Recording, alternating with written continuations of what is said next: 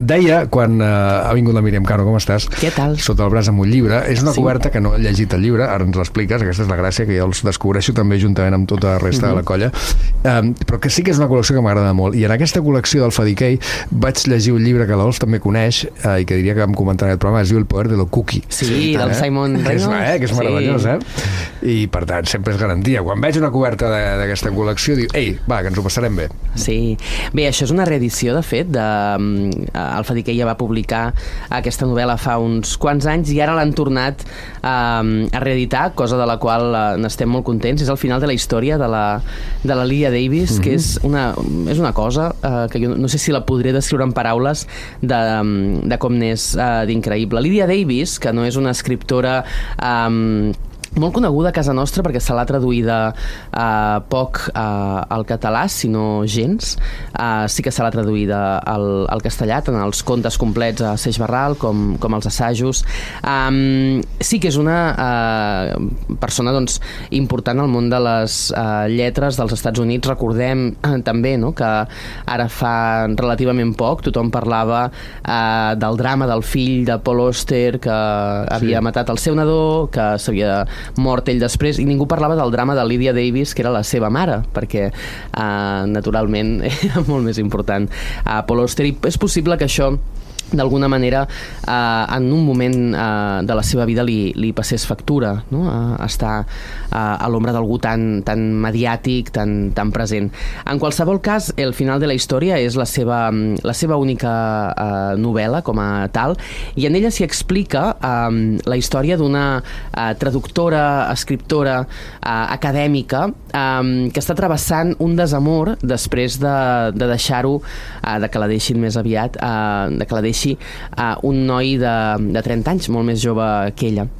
Això ens podria semblar que és una, una, un punt de partida molt tòpic, una, una escriptora en, més o menys en, en crisi eh, que travessa un desamor, però la grandesa del final de la història és que Lydia Davis explica íntimament eh, com... Eh, com t'enfrontes al món eh, en un sentit estricte quan estàs de dol, no? quan estàs eh, intentant sobreposar-te a una relació i eh, sobretot allò que no expliques ja als teus amics quan intueixes que s'han cansat que els parlis de, del teu desamor. I per tant ella explica molt minuciosament eh, com, eh, per exemple, eh, sent el temps atmosfèric, com s'enfronta a la seva feina, tots els pensaments que li passen pel cap quan passeja sola pel carrer, quan es pensa que el trobarà, quan l'enyora, quan contempla la possibilitat eh, de tornar amb ell, quan mira eh, altres relacions, quan es fa el dinar. No? Eh, ja sabeu que un desamor és una cosa amb la que convius gairebé com, com un eh, siamès,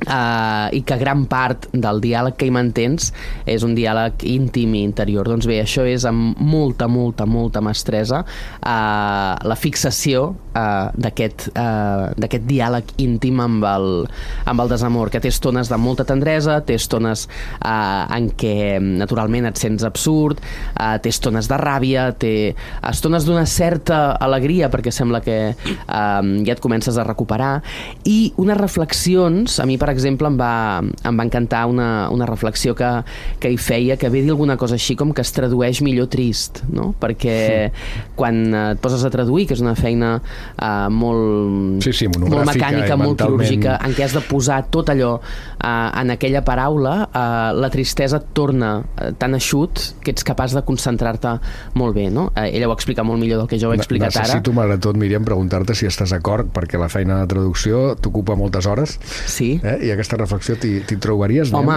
quan me la vaig trobar vaig dir, Lídia, amiga, uh, és així. O sigui, eh, som... Podries assenyalar quines són les teves millors traduccions en base a quan estaves més feta pols, Míriam? Ah, exacte, sí, sí, sí. Perquè, mira, bueno, perquè, no, ja ens diràs et, quines són. Et tanques... Home, jo crec que quan vaig traduir el, el Bluets de la Maggie Nelson, que és un Sí. llibre sobre el color blau i el, i el desamor, la cosa anava per, per aquí i com a mínim hi, estava molt a prop no, de- d'aquella d'aquella tristesa, però, però sí que us poso aquest exemple perquè veieu a quina mena de reflexions fa, fa la Lydia Davis. No tenen tant a veure amb, amb una narració clàssica del desamor, no? Mira, ja em començo a trobar millor, ja uh, l'altre dia vaig conèixer un noi, no? les etapes, sinó aquest diàleg que tots hem mantingut i que veure'l fixat fa fins i tot una mica de besar-te, no? Et sents molt, molt a prop de- d'aquest llibre. Um, és un llibre que, com tota l'obra de Lydia Davis, ha estat uh, molt elogiada. Jo sóc absolutament fan uh, dels, dels seus assajos. És una, és una persona uh, intel·ligentíssima, llestíssima, uh, traductora del, del francès, uh, articulista habitual uh, i contista al, al New Yorker. Vull dir que, que és un personatge que crec que cal conèixer i, i tenir en compte i aquesta sensibilitat i aquesta mirada que desgrana al final de la història jo crec que eh, com que tots hi hem passat eh, alguna vegada, segurament ens hi sentirem eh, molt a prop. Caram, quina bona pinta i que ben explicat. Diguem, per, com sempre, diguem Al final de la història, Lydia Davis, Alfa Decay... Traducció de Justo Navarro. Ah, molt bé. Que... Sí, sí, gran traductor també, eh? Sí. No sabem si estava trist quan la va traduir. No ho sabem. Però, en tot cas, mira, a partir d'ara hi pensaré l'estat d'ànim de, del traductor o la traductora que hi ha al darrere dels, dels llibres traduïts. No sé, i ens ho diràs tu, i potser la Dolç s'ho preguntarà també, si hi ha uh, un al·legat contra la nostàlgia en aquesta mirada del dia Davis o no, o simplement el seu passat i el, el seu amor uh, traspassat queden allà eh, en un temps anterior i, i avall. No, jo diria que estones sí, Sí, eh? estones sí que hi ha... Hi ha... Bueno, hi ha dolor pel, ru- pel retorn, que és aquesta Exacte. idea eh, etimològicament així, no? Aquest algios al nostos. Totalment. De fet, ara justament el Fadiquei acaba de, de publicar ara fa molt poc un llibre que es diu Contra la nostàlgia, eh, que d'alguna manera pot ser el film. Me la llegiré i us en parlaré perquè crec que és un tema molt interessant. Magnífic, doncs eh, anem a buscar aquest llibre, mentrestant l'Alfa ens en portarà un altre. altra